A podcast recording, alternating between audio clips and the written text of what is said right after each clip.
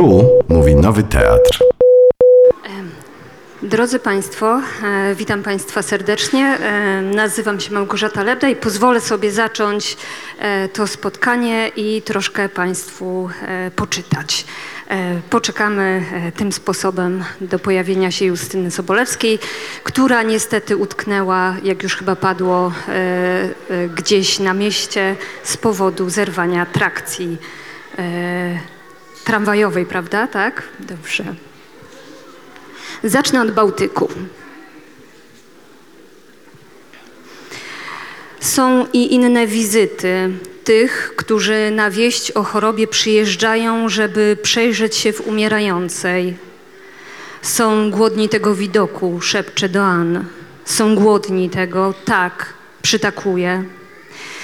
Poprzednich dekadach przyjeżdżali rzadko. Na wieść o chorobie babki rodzina odnawia kontakt.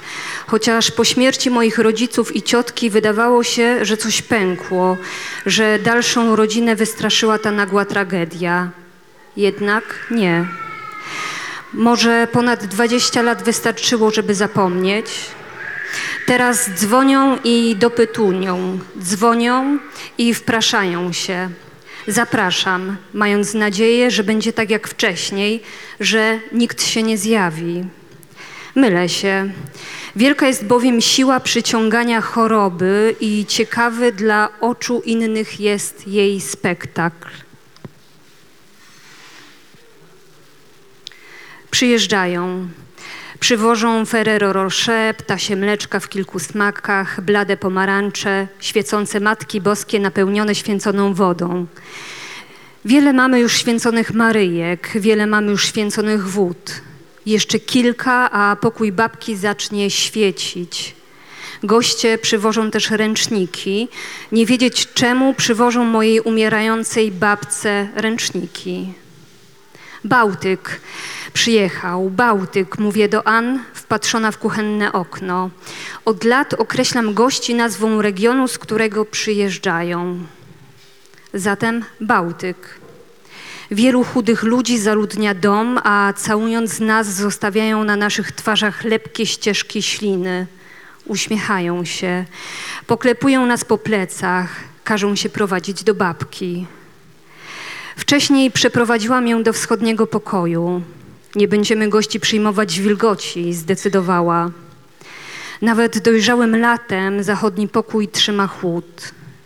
Gromadzimy się przy stole, który na tę okazję powiększyłam, wyjmując z niego nieużywany od lat dodatkowy element blatu. Goście mówią wiele, zajmują usta słowami. To ciekawe. Ludzie, którzy przyjeżdżają podglądać chorobę, nie potrafią mówić w języku, który przystawałby do choroby, myślę. Mówią o śmierci intensywnie, z uporem, płaczą. Babka przerabiała to już wiele razy, jest niewzruszona. Moja babka jest silna, myślę. Powiedzcie coś o życiu, prosi gości.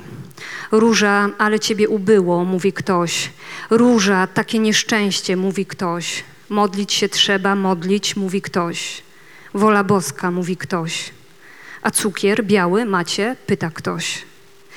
Ludzie Bałtyku zajmują usta kiszonkami, mają łagodne, smutne twarze. Nie mogę winić ich za ciekawość, która doprowadziła Bałtyk aż tutaj. Choroba jest silna, zapach babki ostry, duszą się w nim. Może wyjdziemy, proponuje.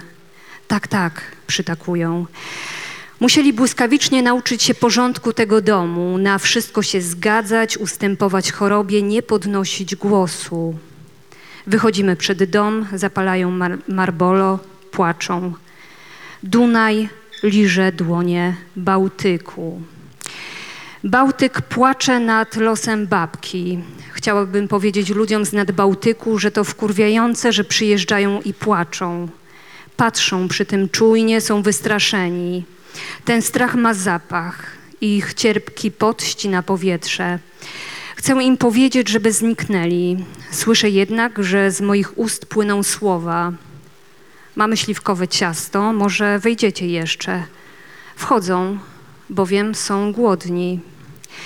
Ann podaje im upieczone wczorajszego wieczora ciasto. Jest wilgotne z kruszonką. Słodycz rozchodzi się na naszych podniebieniach. Dziadek, dziadek zaczyna mówić o wymianie dachu. Bałtyk słucha. Ludzie Bałtyku synchronicznie mieszają kawę w filiżankach, strzepują z łyżeczek ciemne kropelki, uderzając w krawędzie fajansu. Robi się z tego szklista melodia. Patrzę na babkę, trzyma w dłoniach kubek z bawarką. Jeszcze nie wiem, że za tydzień nie będzie do tego zdolna. Puszcza do mnie oko. Babka jest piękna, kiedy w śmiertelnej chorobie puszcza do mnie oko.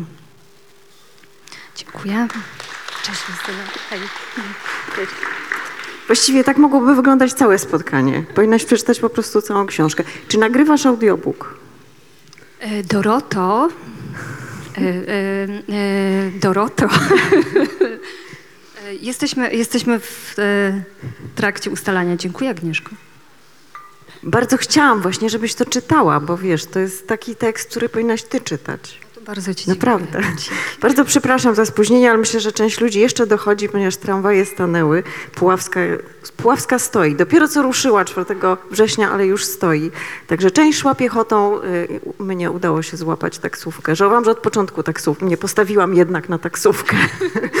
Także bardzo przepraszam. Y, Zacznijmy formalnie. Bardzo witam naszą y, bohaterkę Małgorzatę Lebdę. Dzień dobry. Dzień dobry, witam Y, Państwa. Witam Premiera, warszawska premiera Łakomych, które już od sierpnia żyją. Zresztą ten sierpień jest, właściwie mamy dalej sierpień, nie, nie ma września przecież na zewnątrz, więc właściwie dobrze, że mówimy o tej książce teraz, w tym gorącu właśnie. E, Tak, ta książka, e, ta książka faktycznie jest taka e, e, sierpniowa, e, ale też pisząc ją myślałam sobie o czym e, też mam nadzieję będą e, Państwa zajmować i przejmować właśnie e, zimą. Wydawnictwo Znak, Łakome, twoja pierwsza proza. E, Książki poetyckie, mam tutaj wszystko wypisane. Granic, em, Granica lasu, Matecznik, Sny Ukermerkerów, to jest ta trylogia twoja. Sny Ukermerkerów, e, Nagroda Gdynia, a później Mer de Glace, e, Nagroda imienia Wisławy Szymborskiej. No i teraz Łakome. Ale pamiętam, że kiedy rozmawiałyśmy przy okazji właśnie Mer de Glace, gdzie są takie obok wierszy fragmenty prozy. Widać było, że ta proza już się tworzy, że to już jest taki był dłuższy proces powstawania, rodzenia się tej prozy. E, Tak, ta praca w języku e, prozy, taki też e, dłuższy namysł, jak ja nad tym, jak ja właśnie o tym mówię, to jest coś, co towarzyszy mi od bardzo dawna i e, na pytanie właśnie, jak długo pisałam tę książkę, Mam dwie odpowiedzi. Jedna jest taka, że pisałam ją e, 10 lat, ponad 10 lat, a druga jest taka, że e, napisałam ją w ciągu ostatnich 6-7 miesięcy, e, bo muszę zdradzić, że właśnie przed tymi wszystkimi książkami poetyckimi, o których tu powiedziałaś, e, ja e, chciałam wydać prozę. E, chciałam e, wejść w e, literaturę e, właśnie prozą, e, ale cieszę się, że wydarzyła się poezja. Cieszę się, że właśnie te książki poetyckie pozwoliły mi też mm, jakoś opracować w swojej głowie tematy, których jednak nie wykorzystałam do końca, że tak powiem, e, w poezji, bo ci z Państwa, którzy przychodzą na to spotkanie już e, wyposażeni w jakąś wiedzę o wcześniejszych książkach, na pewno zwrócą uwagę, że e, mamy tutaj sporo, e, sporo wątków. Natomiast ten główny wątek choroba, e, choroba babki, e, która jest też dla mnie taką metaforą, czy wręcz e, takim kamuflażem dla tego, co osobiste i co przeżyte, e, wybrzmiało dopiero tutaj. E, W żadnej wcześniejszej książce to się nie pojawia. E, I oczywiście zastanawiałam się nad tym, czy to wynika z tego, że może gdzieś podświadomie myślę sobie, że poezja nie jest wystarczająca, ale nie. Jakby wydaje mi się, że, e, że poezja może wszystko i że być może po tych wszystkich książkach poetyckich ja potrzebowałam też dla siebie, jako osoby piszącej, e, e, jakiegoś wyzwania w innym języku, e, jakiejś też takiej e, pracy w innej e, materii i namysłu nad stworzeniem e, historii. E, I wspaniale było pracować z fikcją. E, Wspaniale było e, odejść właśnie od e, tych e, no, bardzo e, e, autobiograficznych e, tomów poetyckich i samej też spróbować się przyjrzeć no, swojej własnej utracie, którą się przeżyło. No a jednocześnie właśnie to jest jakby cały świat stworzyłaś. Przeczytałam tę książkę teraz drugi raz i właściwie myślę, że zaraz będę ją trzecie, czytać trzeci raz, ponieważ to jest taka książka, która otwiera nam kolejne warstwy. Czytałam ją teraz zupełnie inaczej. Dobrze, że mówisz o tym języku, bo to jest coś niesłychanego w tym sensie, że, że musiałaś stworzyć ten język też właśnie. Język, który się odbija od poezji, który właśnie nie jest poezją i nie jest też taką poetyckością tylko jest właśnie czymś innym. Ciekawa byłam na przykład, czy czytałaś to głośno, pisząc po kawałku? Jak z tym językiem się, bo ten język jest wyzwaniem. E, To jest zresztą wspaniałe, że właśnie my też jako czytelnicy wchodząc w tę książkę zderzamy się z tym językiem i wchodzimy w to. E, Tak, to jest, e, to jest fascynujące, ale toż, to też było dla mnie trudne i e, pewnie ci z Państwa, którzy przechodzą z poezji do prozy, na pewno mieli takie doświadczenia, bo we mnie był też strach, to znaczy przed tym po prostu, czy sobie poradzę, czy y, utrzymam ten język y, inny niż ten, do którego jestem przyzwyczajona i w którym pracuję od, od wielu lat. I y, muszę powiedzieć, że w ostatnim czasie dostałam sporo y, wiadomości, też w rozmowach z czytelnikami pojawia się y, takie stwierdzenie, że wiele osób odkładało w czasie tę lekturę, bo się jej bali, to znaczy bali się tego, że że mi się nie uda. Bali się tego, że to nie jest do zrobienia, że to nie jest e, do przejścia z e, e, takiego języka poetyckiego, jaki wypracowałam, zrobienie czegoś w prozie, co nie byłoby powtórzeniem jeden do jeden tego właśnie, co, co w poezji. I mam szczęśliwie jakby sygnały, że, mm, że, że ta książka właśnie w tej formie językowej tutaj e, działa. Ale to też uruchamia jeszcze jedną e, właściwie wielką dyskusję o e, poezji i o czytaniu poezji. Ja wszędzie, chociażbym napisała reportaż, to zawsze będę zachęcać do czytania poezji, ale tutaj muszę Państwu powiedzieć o tym doświadczeniu właśnie. Mianowicie jak to, że przychodzę z poezji, e, wstrzymuje niektórych przed sięgnięciem do tej e, książki. E, I na jednym ze spotkań e, wspaniała prowadząca już e, po nagraniu e, podzieliła się ze mną takim spostrzeżeniem, że ona rzadko rozmawia z poetami i poetkami, e, rzadko ich zaprasza do programu, dlatego że ona się nas boi. E, Że, e, że ludzie się nas po prostu e, boją i mają takie, właściwie taki stereotyp, że jesteśmy takimi bufonami. I, I cieszę się, że ta książka troszkę poszerza jakby pole moich czytelników i przy tej okazji mogę jakoś tam mm, zakulisowo o tej, o tej poezji mówić.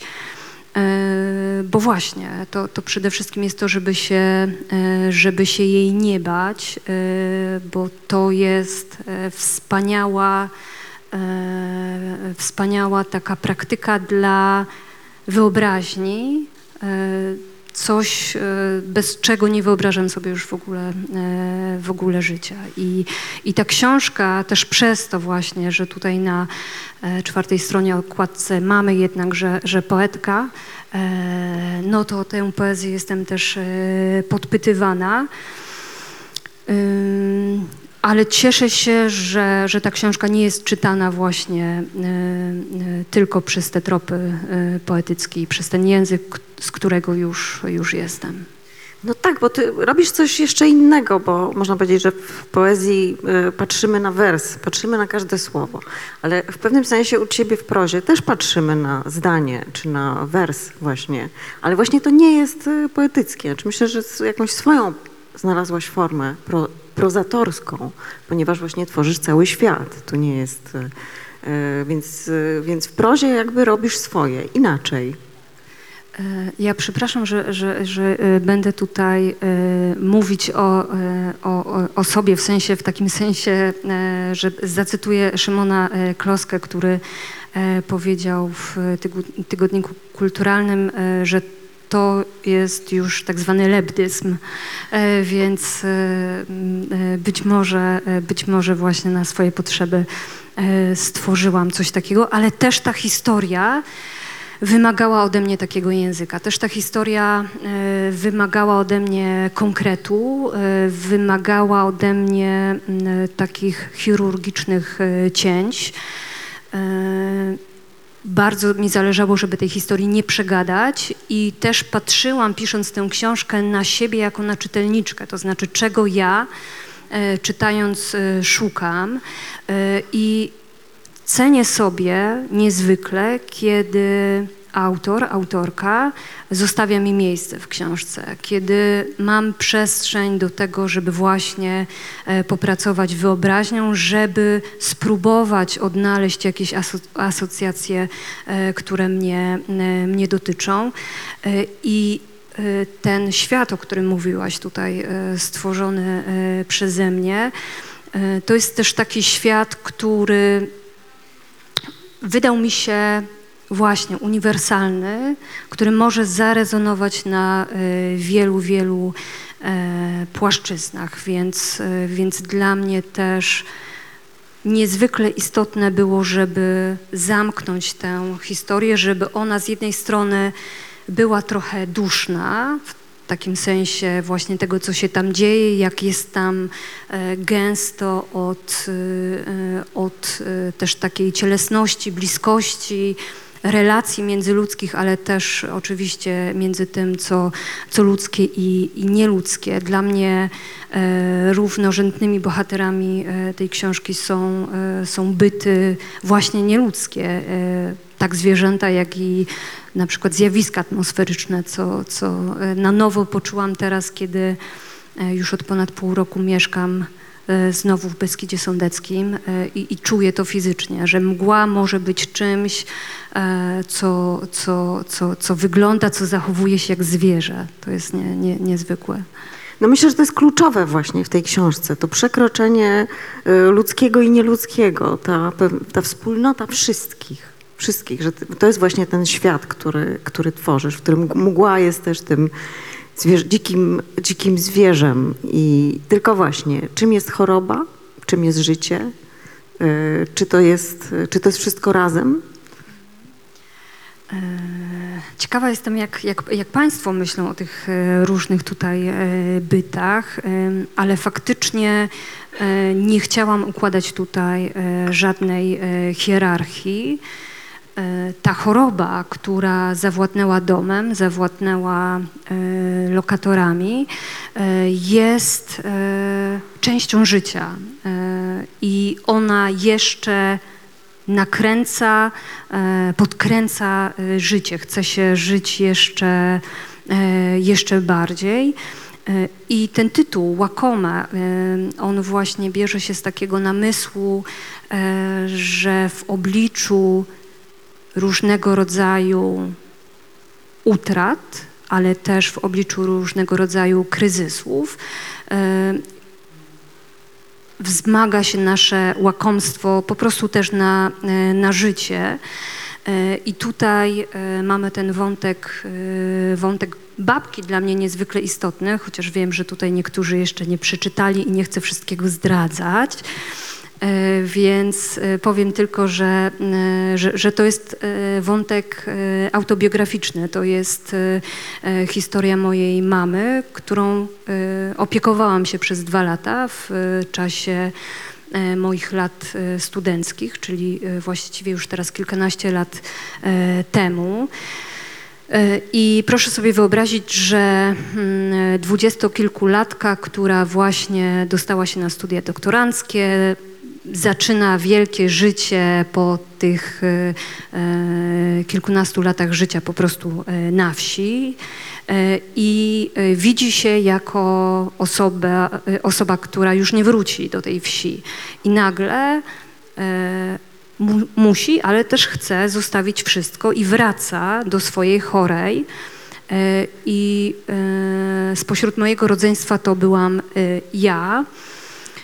E, I to były dwa lata. Ja nie wiedziałam, ile, e, ile to będzie e, trwać. I to był czas, te dwa lata, kiedy słowo łakome i myślenie o tym, że że trzeba się nażyć, było we mnie wręcz takie no, totalnie buzujące. To znaczy w obliczu tego, że jest się przy, mm, przy tym, jak ciało e, jednej z e, najbardziej kochanych osób e, w efekcie, w efekcie choroby. Ja Nieustannie myślałam o tym łakomstwie wielu rzeczy. Raz, łakomstwie choroby, która właśnie jest w ciele chorej, ale też łakomstwie choroby, która rozchodzi się na cały dom. Y, Już, y, już o tym mówiłam i to jest dla mnie ważne, istotne. y, co sobie uświadomiłam dopiero po latach. Myślę, że gdybym wtedy sobie to uświadomiła, że choroba kogoś bliskiego w domu sprawia, że cały dom choruje. Y, to jest takie doświadczenie y, dla mnie też y, budujące, które w tamtym momencie też w obliczu tego, że nie miałam przestrzeni na namysł, nie miałam też przestrzeni na to, żeby myśleć o sobie, tylko chora była, y, była y, najważniejszym, przepraszam, że powiem, elementem całej tej y, układanki, y, całego tego domu, to dopiero po, po odejściu mamy zaczęłam też myśleć o tym, jak ja, ale też cała moja rodzina i myślę, że mm, niektórym z Państwa to doświadczenie jest y, też bliskie. Po prostu chorujemy w obliczu y, choroby kogoś, y, kogoś bliskiego. I ta książka też dla mnie była, o czym, o czym mówiłam Michałowi Nogasiowi w wywiadzie, takim sposobem, żeby upomnieć się też y, właśnie o te osoby opiekuńcze, o te osoby, które po prostu e, czasem są wyrwane bardzo nagle ze swojego życia i poświęcają e, swoje życie e, swoim bliskim. E, A wydaje mi się, że o nich zapominamy, że stają się takimi automatami, które, y, które y, są, y, są przy, przy utracie. I tak jak w moim przypadku, e, dopiero później następuje ten namysł i to spojrzenie, że, e, że to było coś, e, coś dużego, coś wielkiego i coś, coś, co zostaje już na zawsze. E, To doświadczenie przyglądania się tak naprawdę e, e, śmierci. Wiesz, teraz tak sobie pomyślałam, że czasem pragnieniem naszym jest, żeby te, bo jesteśmy w tym świecie, jeżeli na przykład jesteśmy właśnie z osobą umierającą, czy, czy przeżywamy śmierć na przykład, żeby cały świat to przeżywał. Prawda? To jest tak jak w tym słynnym wierszu, już nie pamiętam którego angielskiego poety, że świat powinien stanąć. W pewnym sensie ty to robisz, ponieważ tutaj jakby całość jest objęta tym procesem. Wszyscy są razem. Y, Zwierzęta, lisica, ziemia, która się przecież rozstępuje, y, dom, który choruje. Całość jest objęta tym. To jest jakby wszechświat. Nie ma wyjęcia e, tej choroby. To nie jest sprawa ludzka po prostu. To jest, bo właśnie tym razem przy drugiej lekturze spojrzałam na to bardziej jako na taki projekt filozoficzny po prostu. Myślenia o, o, o świecie i o naszym kontakcie ze światem.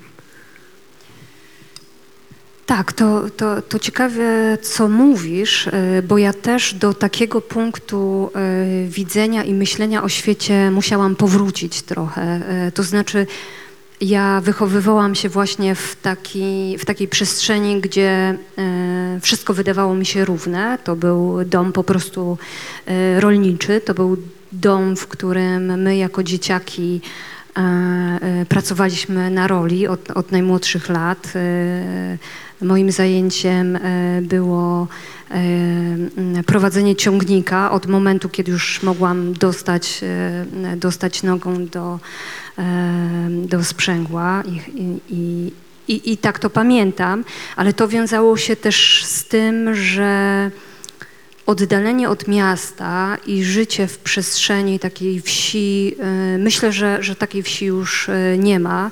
Teraz, kiedy już y, też wracam do swojej rodzinnej wsi, to faktycznie ona stała się przedmieściami Nowego Sącza i, i, i zobaczyć krowę na łące to jest na, naprawdę duże szczęście. Natomiast tam akurat, gdzie się przeprowadziliśmy, to jest taka miejscowość nad moją wsią, E, Tam akurat jeszcze wszystko stanęło i mam wrażenie, że to są takie lata 80., również z krowami, a to zawdzięczamy tylko temu, że gmina nie ma pieniędzy, żeby zrobić drogę i tam nie ma drogi e, i po prostu wszystko e, stanęło a propos tego, że, e, że, e, że coś e, staje.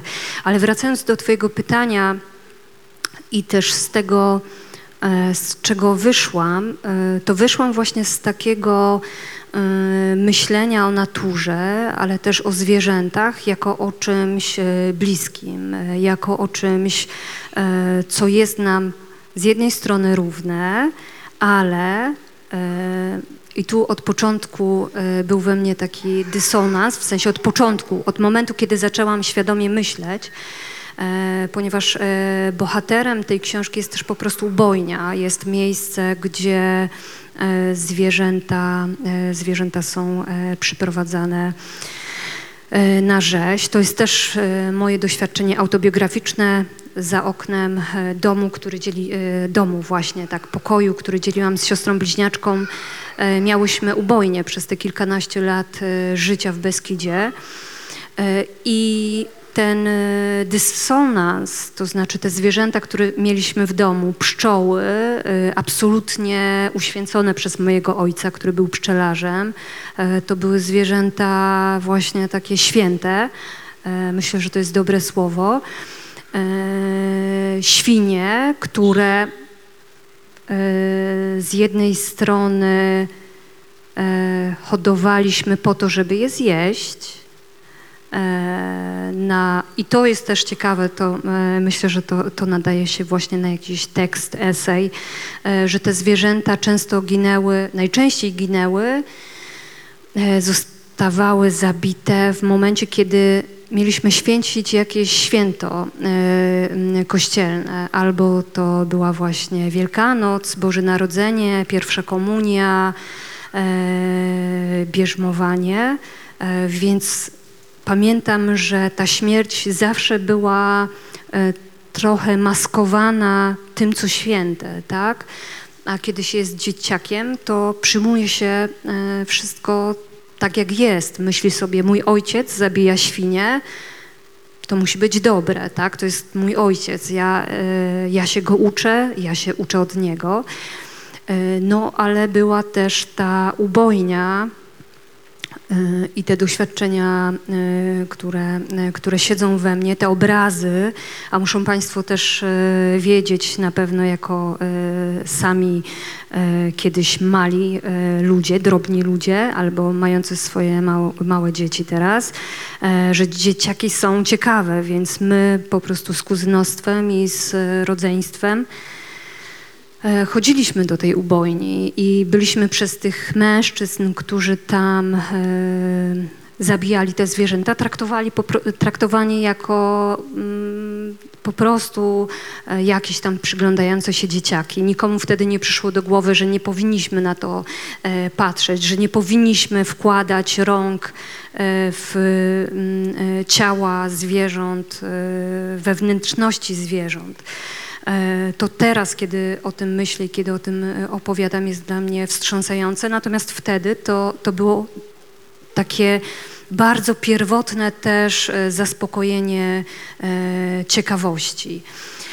Więc w tej książce spróbowałam przyjrzeć się tym moim doświadczeniom, pomyśleć o tych zwierzętach, które są dzikie, które właśnie przychodzą z dzikiego i pomyśleć też właśnie o, o tych zwierzętach hodowlanych, e, którym mam nadzieję w tej książce e, jakoś oddałam miejsce e, i, i jakoś, jakoś ich historia wybrzmiała. No i są dwa światy, świat babki i świat dziadka. Właśnie te, oni są po prostu jak słońce i księżyc, jak y, królowa nocy i Sarastro. Co prawda właśnie ona jest królową życia, bo ona chroni wszelkie życie. Natomiast dziadek ma inny stosunek. On chce ją ochronić, on jest właściwie cywilizacją, można myśleć w ten sposób. On jest ludzkim, ona jest pozaludzkim, ona jest wszechludzkim. Też myślę o babce jako o kimś, kto, e, kto ma bardzo blisko do dzikiego, e, do tego, co takie nieoswojone, e, dzikie, co też pochodzi z jakiegoś zabobonu. Natomiast e, właśnie dziadek jest też taką, taką figurą, która składa się z wielu mężczyzn, których znam, e, z wielu mężczyzn, których znam właśnie z Beskidu Sądeckiego, e, gdzie taki pragmatyzm i to, żeby e, na przykład w obliczu choroby e, raczej zająć się tą sferą e, materialną jest najważniejsze. To znaczy e, mężczyźni e, i, I tutaj to jest też właśnie przykład mojego, e, mojego ojca, e, który w obliczu choroby mamy e, absolutnie mm, jakoś szaleńczo, mogę to tak nazwać, zaczął em, remontować dom. W domu odbywa się choroba. Wydawało mi się wtedy, że najważniejsza jest właśnie taka czułość, bycie przy, e, przy chorej. Natomiast e, właśnie mężczyźni mają jakiś swój sposób, ale teraz myślę, że on wynikał po prostu ze strachu. On wynikał też z tego, że e, mężczyźni w Beskidzie Sądeckim, pewnie w innych Beskidach i w innych miejscach w Polsce, nie są e, nauczeni czułości. E, Nie wiedzą też, jak sobie radzić z utratą i wtedy uruchamiają tę swoją męskość. On może się wykazać, on może się przydać właśnie w taki sposób, że na przykład e, założy ogrzewanie i w ten sposób chorej e, chorej będzie, e, będzie ciepło. E, Akurat teraz też byliśmy na takim wspaniałym festiwalu w Beskidzie Niskim, festiwal Ktoś nie coś i tam wyszliśmy na szlak, żeby, to a propos męskości, żeby dojść do takiej pozostałości po łemkowskiej wsi. I spotkaliśmy mężczyznę, e, widać, że to mężczyzna stamtąd, który zakopał się ciągnikiem e, w, e, w takim rowie.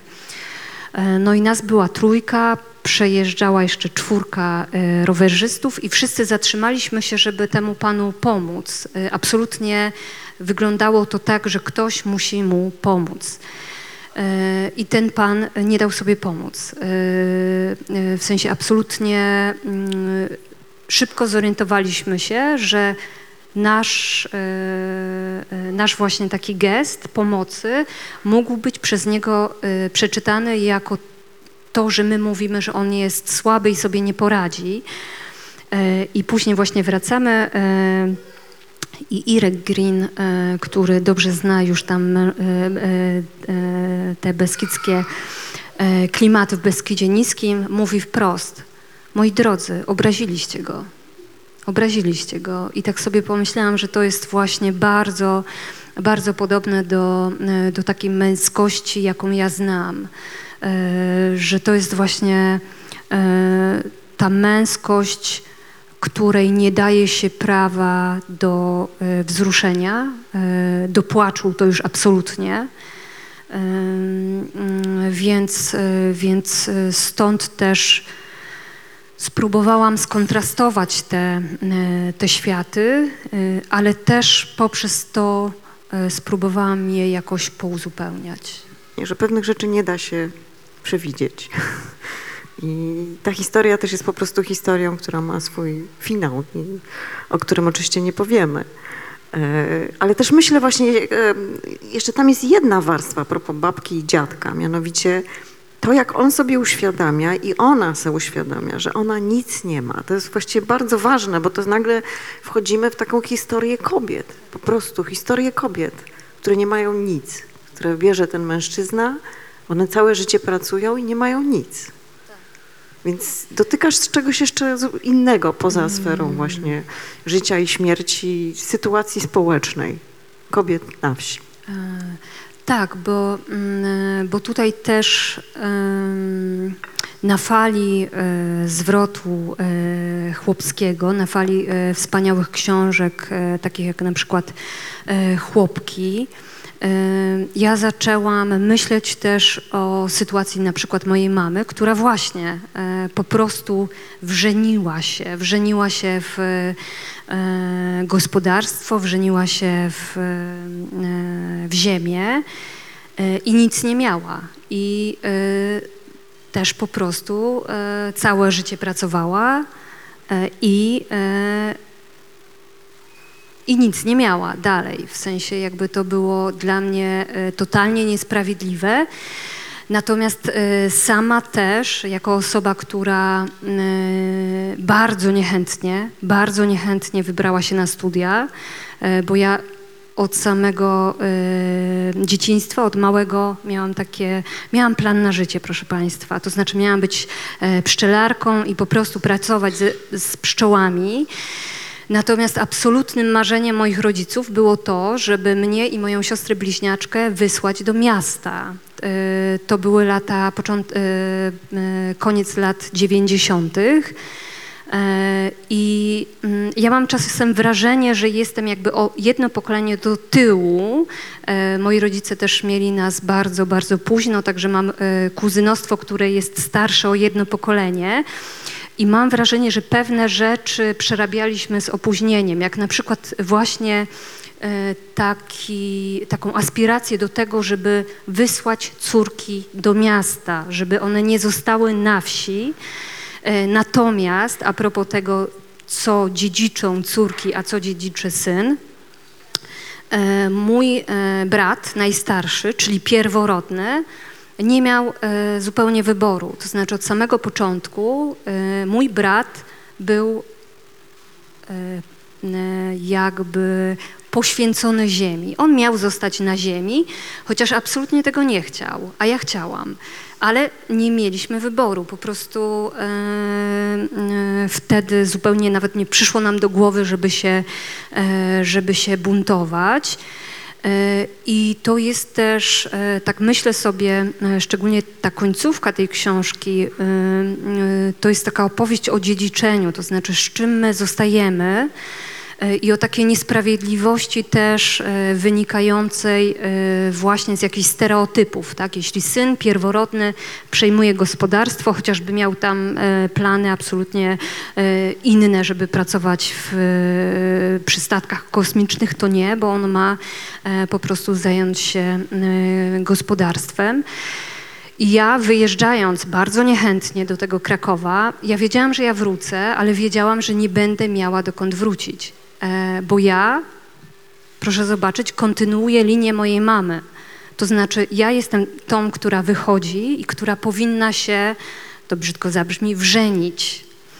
E, Ale oczywiście, e, e, ale oczywiście e, wybrałam trudniejszą drogę i po prostu e, zbudowałam sobie e, e, tak swoje życie, że, e, że mogłam wrócić i mogę mieć teraz po prostu e, gospodarstwo na swoich zasadach, tak? Teraz ja jestem, e, e, ja jestem tą rolniczką na swoim, ale to kosztowało mnie bardzo wiele. I cały czas jest we mnie smutek z powodu tego, że, że karty często są już rozdane. I, i musimy naprawdę E, naprawdę e, szarpać się ze światem, żeby, żeby tak naprawdę wrócić do tego, w czym chcielibyśmy. Oczywiście nie chcę wyjść na niewdzięcznicę, bo pewnie gdybym nie wybrała się na studia do Krakowa, nie przeczytała tych wspaniałych wszystkich książek, to pewnie bym tutaj z Państwem nie rozmawiała, tylko być może bym pisała, ale być może coś, co Państwa by nie zainteresowało na przykład. Może byś nie miała czasu na pisanie. No właśnie, bo Wiesz, naprawdę tam nie ma czasu. tak. Tam cały czas trzeba coś robić. Proszę Państwa, cały czas tam trzeba coś robić. Ale to jest wspaniałe.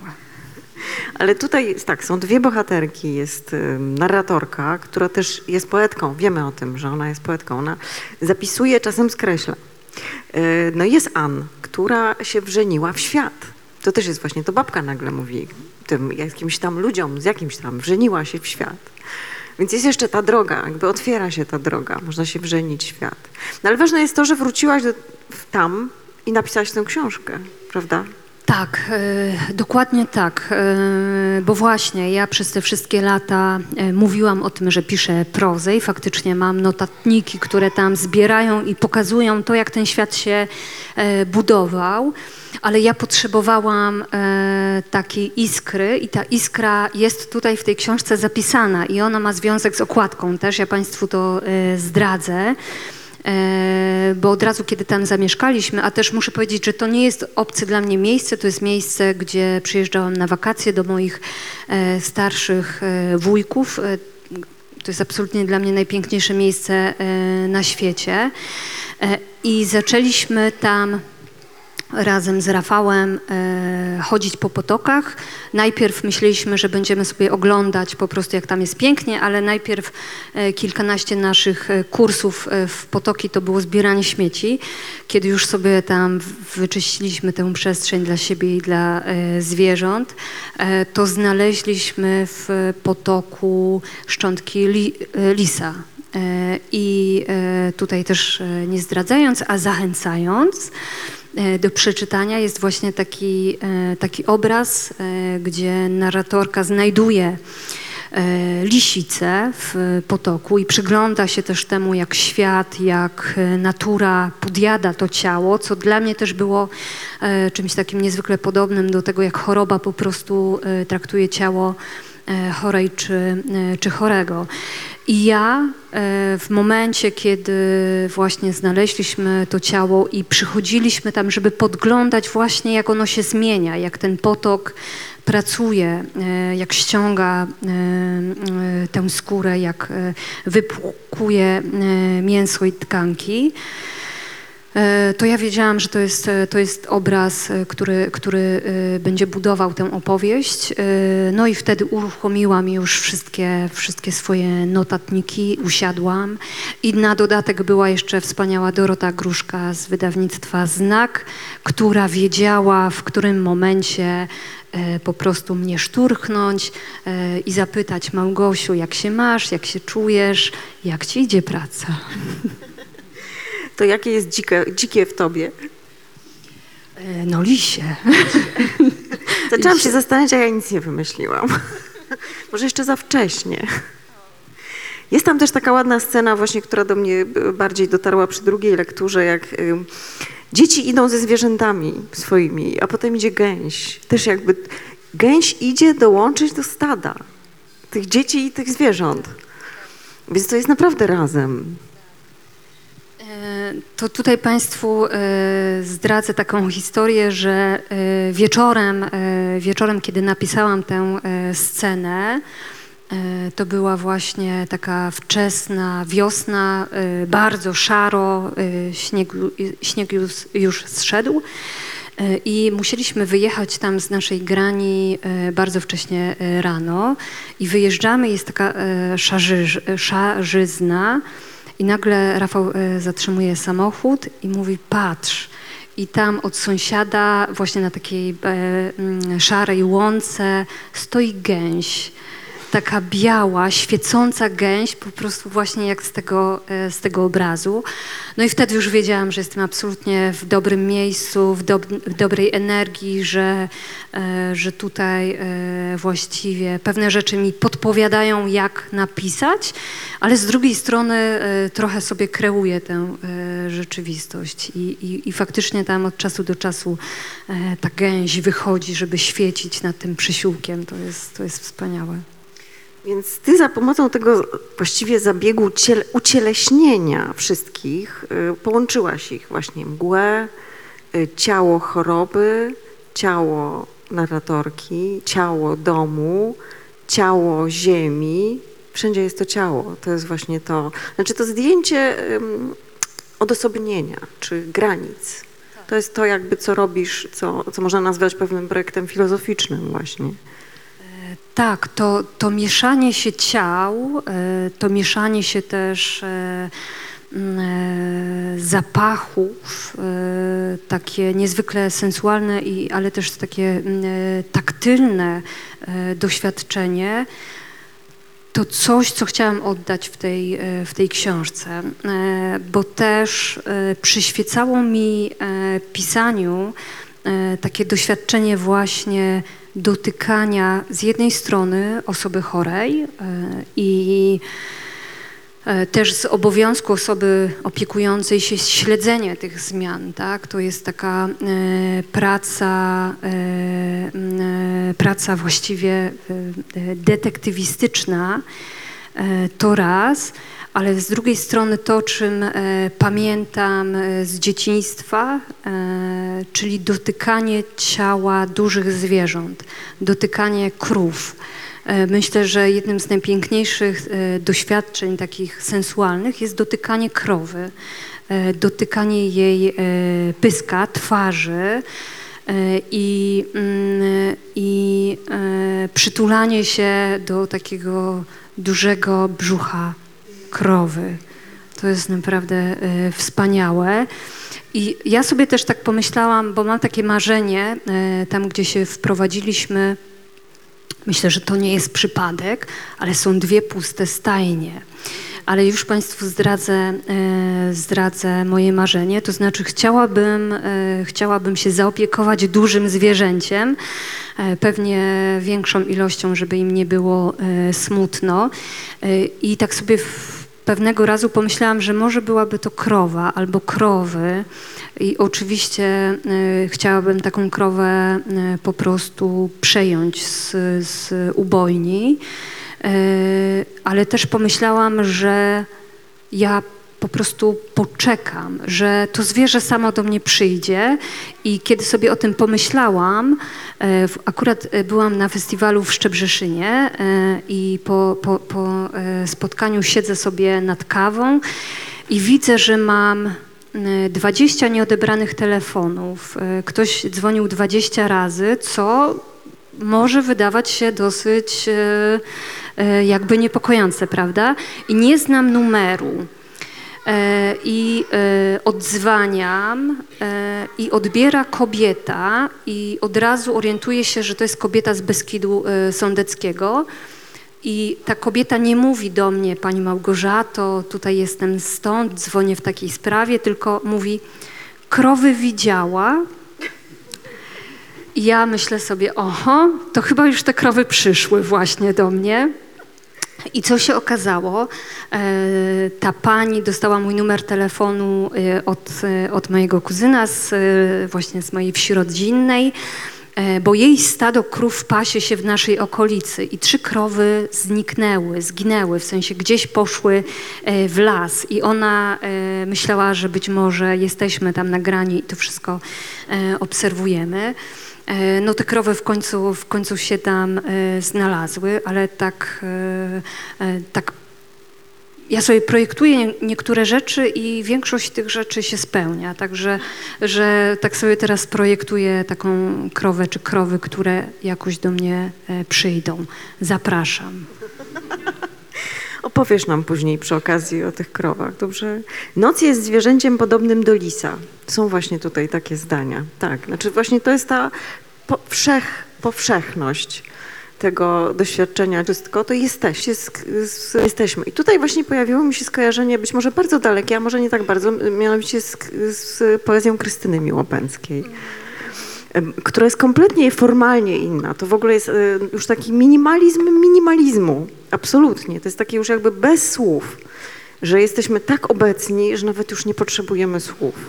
Ale że coś w jej właśnie myśleniu y, o tej obecności i byciu w świecie jest tu podobne. Tak, e, Krystyna Miłobęcka to też jest taki trop, e, no dla mnie niezwykle ważny, niezwykle istotny. Bardzo Państwu polecam. E, Wspaniałe wiersze, które, które uruchamiają wnętrze. No to jest, to jest totalne mistrzostwo, jeśli mogę sobie pozwolić na, na takie porównanie w kontekście poezji. E, I Krystyna Miłobęcka też tutaj występuje e, z jednym z wierszy, e, wierszy o Agawie, który narratorka e, narratorka czyta swojej, e, e, swojej e, chorej, e, ale ta cielesność, o której mówisz i mm, to rozłożenie akcentu właśnie na to, że wszystko w jakiś sposób żyje, że wszystko w jakiś sposób się dopełnia, e, że pewne rzeczy też są od siebie e, zależne, e, to było tutaj dla mnie też, też istotne. I ta noc, ta ciemność, w której wydarzają się pewne rzeczy, jest dla mnie też jakimś stworzeniem. E, Noc, podobnie jak mgła, e, podobnie jak deszcz, e, to jest jakieś takie zwierzę, które przechodzi przez, przez tę wieś, która dla kontrastu ma nazwę Maj. E, I też przetacza się przez e, bohaterów i bohaterki. E, Jest takim czymś żyjącym, na co one i oni reagują. Ale pisząc tę książkę, dla siebie samej, ale też dla państwa chciałam światła. I tutaj, tutaj stworzyłam Ann, która jest, można powiedzieć, y, prawdziwą, realną y, osobą, która składa się z moich bliskich kobiet przede wszystkim. I Wiem, że wśród osób, które czytają tę książkę, e, rodzi się pytanie, kim jest Ann. E, Bo można tutaj, e, śledząc to, w jaki sposób to jest napisane, e, pomyśleć sobie, że być może jest siostrą, być może jest kuzynką, być może jest kochanką. Albo być może były też takie rozpoznania, jest duchem, jest czymś takim, co, co stoi nad narratorką. E, Gdybym miała na to odpowiedzieć, to powiedziałabym, że Ann, e, Ann jest e, światłem. E, To jest dla mnie taka e, ważna bohaterka, której e, takiej e, osoby życzyłabym e, wszystkim tym, którzy, e, którzy właśnie są takimi osobami wspierającymi kogoś w chorobie. To znaczy, ta osoba, która wspiera w chorobie kogoś, powinna mieć kogoś, kto ją wspiera. I dla mnie taką furtką była Ann. E, I mam nadzieję, że tak ją stworzyłam, e, że Państwo mogą sobie w niej odnaleźć e, tego, czy tę, czy to, co Państwo akurat potrzebują, czego Państwu brakuje, bo w czasie mojego towarzyszenia e, z różnych e, źródeł od różnych e, osób miałam właśnie e, takie, e, takie wsparcie, e, bez którego myślę, że mogłabym z tego doświadczenia po prostu e, nie wyjść. Za chwilę Państwa zaprosimy do rozmowy. Jeszcze tylko na koniec chciałam Cię zapytać, czy dużo wyrzucałaś? Bo Twoja bohaterka jest wobec słów e, selektywna bardzo i jednak skreśla. Jak miałaś samą materią tego tekstu? E, tak, tutaj, e, tutaj było, e, było sporo pracy, e, nawet nie takiej pracy w, mm, w języku, e, ale właśnie z tym, jak poprowadzić historię. To znaczy właśnie mm, myślę, że był taki moment, gdzie byłam blisko tego, żeby tę historię przegadać. E, No ale wtedy oczywiście e, pojawia się Dorota Gruszka. Redaktorka, tak. Dorota Gruszka i mówi Małgosiu, jest naprawdę okej. E, Więc, e, więc, e, więc takie, takie fragmenty, Mm, ale też i tu jest ciekawe, bo to jest takie doświadczenie też bliskie mi z e, poezji. E, mianowicie ja wiem, e, mm, ja sobie trochę potrafię wyobrazić ciało książki, to znaczy jak ona właśnie powinna wyglądać i gdzie powinna mieć, mieć, mieć granice. Więc tutaj taki ogólny rys był mi znany chyba, chyba od początku, e, chociaż tu się Państwu przyznam, że zakończenie i mnie zaskoczyło. E, Jest więc- zaskakujące. Więc tak.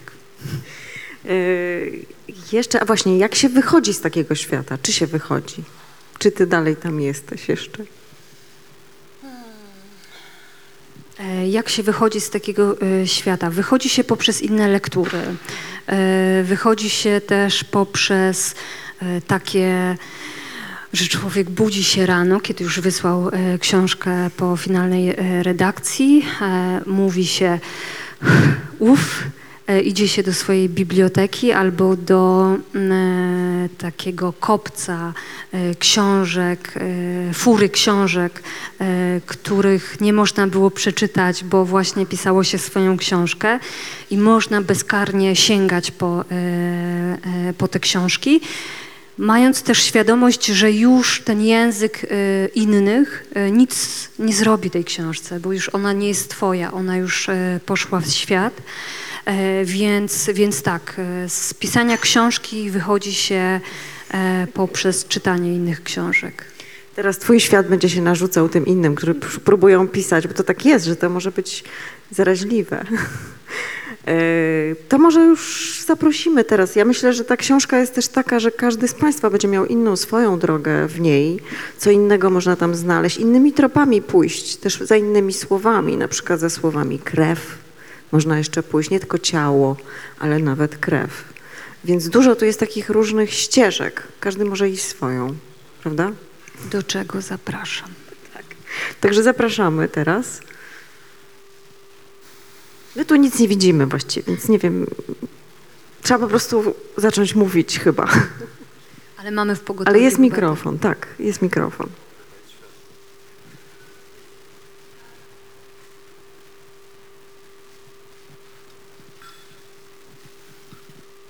No ten świat jest bardzo mm, taki plastyczny, więc być może Państwo już zaczęli w nim trochę być i teraz chcą więcej, więc Tutaj chyba mamy, Jest coś? e, widzę, Michał e, Nogaś.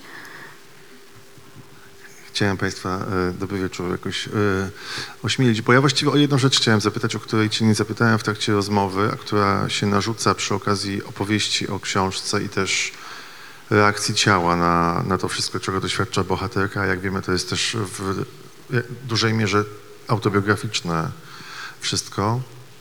Czy z takiego stanu bycia w e, utracie i opieki nad kimś, kto powoli znika, który całkowicie, myślę, zmienia spojrzenie na to, czym jest ciało, czym jest natura i tak dalej, da się wyjść, czy to doświadczenie już zawsze zostaje.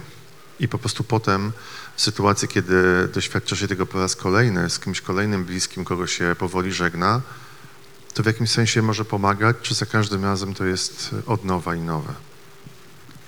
E, e, Dzięki Michale. Ym, Tak, to jest, e, to jest takie ważne pytanie, które sobie też zadawałam e, w chwilę po, e, po utracie. E, Jak właśnie, e, jak właśnie będę sobie z tym, e, z tym radzić. Mam wrażenie, że z tego się nie wychodzi. Mam wrażenie, że jeśli chodzi o ten aspekt taki bardzo fizyczny, to ja na swoje ciało patrzę od tamtego momentu przez pryzmat ciała mojej chorej mamy.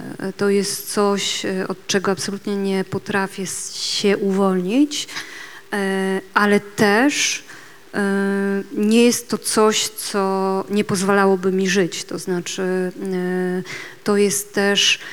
e, Tu musiałabym Państwa wprowadzić e, w to, jak silna była moja mama e, i jak sobie radziła z tym wszystkim. To znaczy, e, ja muszę e, powiedzieć o tym, że w tamtym momencie, w tamtym czasie, ja marzyłam o jednej rzeczy, żeby ona płakała.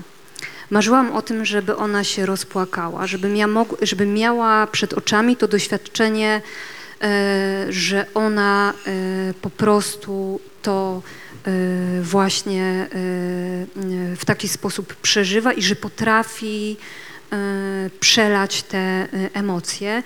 Natomiast ja wiem, e, jak ona była przez całe życie i w trudnych momentach ona nigdy nie pozwalała sobie na płacz i nawet wtedy nie pozwoliła sobie na płacz. E, Ja myślę, że to, co, co jest dla mnie najtrudniejsze, to właśnie to, że ona nie płakała. E, Że ona była cały czas e, silna i taka chciała być e, zapamiętana. A jeśli pytasz o, o inne utraty, ym, to, to, to nie, nie, nie można się w tym y, wyszkolić. To jest y, każdorazowo y, y, nowe uderzenie i nowy, y, nowy proces. Tak. Dzięki.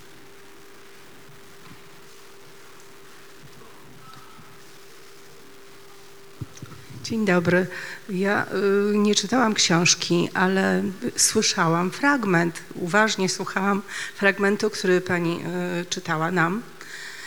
I y, no też byłam wstrząśnięta troszeczkę i tym, bo tam pojawiały się różne osoby, które odwiedzały babkę, prawda, tę osobę chorą i pani mm, pisała o tym, co one mówią, w jaki sposób się zachowują. Y, No, my, my wszyscy mamy jakieś doświadczenia związane z tego typu sytuacjami i zastanawiam się, czy pani, y, która przemyślała to pisząc książkę, czy mogłaby pani nam poradzić, co w takich sytuacjach można powiedzieć, żeby nie być, y, no właśnie, na przykład, no, no, no żeby to nie było coś takiego, co się źle odbiera. Co można powiedzieć takiemu człowiekowi, który się opiekuje, co można powiedzieć temu człowiekowi, który umiera? Czy, czy ma Pani dla nas y, taką radę? Tak, to jest, e, to jest bardzo, bardzo ciekawe, o co Pani e, pyta. E, Ja już od, od bardzo, bardzo długiego czasu mam taki eksperyment myślowy właśnie w momentach, kiedy nie wiem, co powiedzieć, e, e, to wtedy próbuję postawić się w sytuacji tej osoby, której nie chcę skrzywdzić. E, Pamiętam, e, powiem Państwu o, o m, m, takiej pisarce, która wydała książkę Mięcho, e, m, Aneta Żukowska, e, tak, dobrze pamiętam, Mięcho. E, I ona była chora na raka. E, Jako 30-kilkulatka została zdiagnozowana i w tej książce, która została wydana w charakterze, opisuje właśnie doświadczenia tego, jak ludzie reagowali na nią i co jej mówili i jak pewne rzeczy ją e, dotykały. E, I e, co, co było takie dla mnie najtrudniejsze, było to, kiedy e, właśnie ktoś, e, e, ktoś próbował jej współczuć w taki sposób e, e, bardzo teatralny.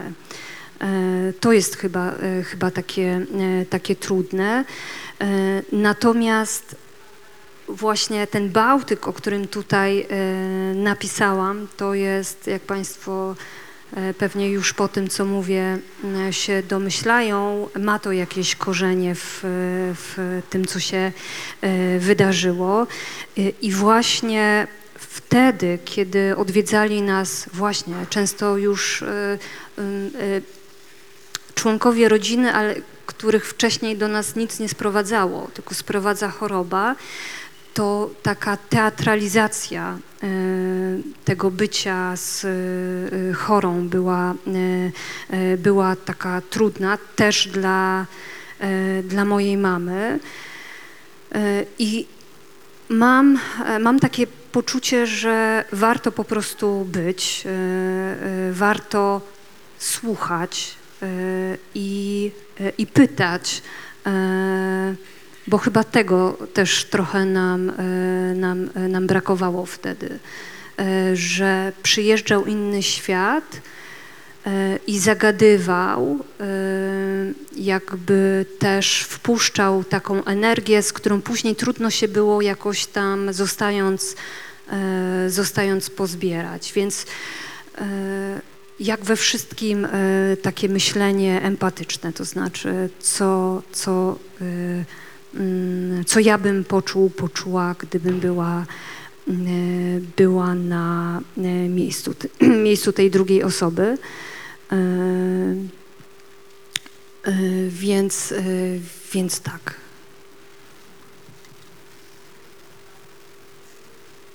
Czasem nam brakuje rytuałów, prawda? Teraz czytałam Córuje Szale w e, jej książkę Los, gdzie właściwie po śmierci w tradycji żydowskiej jest siedem dni, kiedy wszyscy razem przebywają. Tydzień to trwa, żeby być razem. Zresztą to, bo ty opisujesz bycie razem w umieraniu, e, ale to właśnie bycie razem jest jakoś chyba kluczowe, prawda? Żeby to było niewyobcowane. Tak, i właśnie ten, e, ten czas, e, żeby też właśnie e, przyjrzeć się temu, żeby poprzez to móc spojrzeć na siebie w świecie. To było dla mnie takie duże, duże odkrycie. I dużo dzisiaj mówiłyśmy o tym ciele, o tym przyglądaniu się ciału, które się zmienia i które po prostu zmierza, zmierza do choroby. E, To też jest jakaś e, lekcja. Nikomu takiej lekcji nie życzę, e, ale ona też e, uczy jakiejś e, czułości, czułości też wobec siebie. Tak myślę. No właśnie, bo tu też jest ta czułość wobec siebie. Obu bohaterek, można powiedzieć, czy tej właśnie odbicia, bo nie wiemy, kim do końca jest ta. Jest to książka o utracie, co zresztą od, od pierwszej strony jakby, bo to jest książka dedykowana utracie, Ale z życia mamy ptaki. ale z życia, tak. No więc, ale jednocześnie ona jest inna, inna niż, y, niż cała, bardzo silna i bardzo, myślę, ciekawa polska tradycja pisania o żałobie i utracie. To jest zupełnie coś innego. Także możemy na tym właściwie skończyć tę część, ponieważ jeszcze będziesz podpisywać książki i można wtedy z tobą porozmawiać. Także bardzo Może, może bardziej o życiu. o faktycznie. życiu, którego jest pełno w tej książce. Bardzo ci dziękuję Dziękuję. bardzo dziękuję państwu. Dziękujemy bardzo.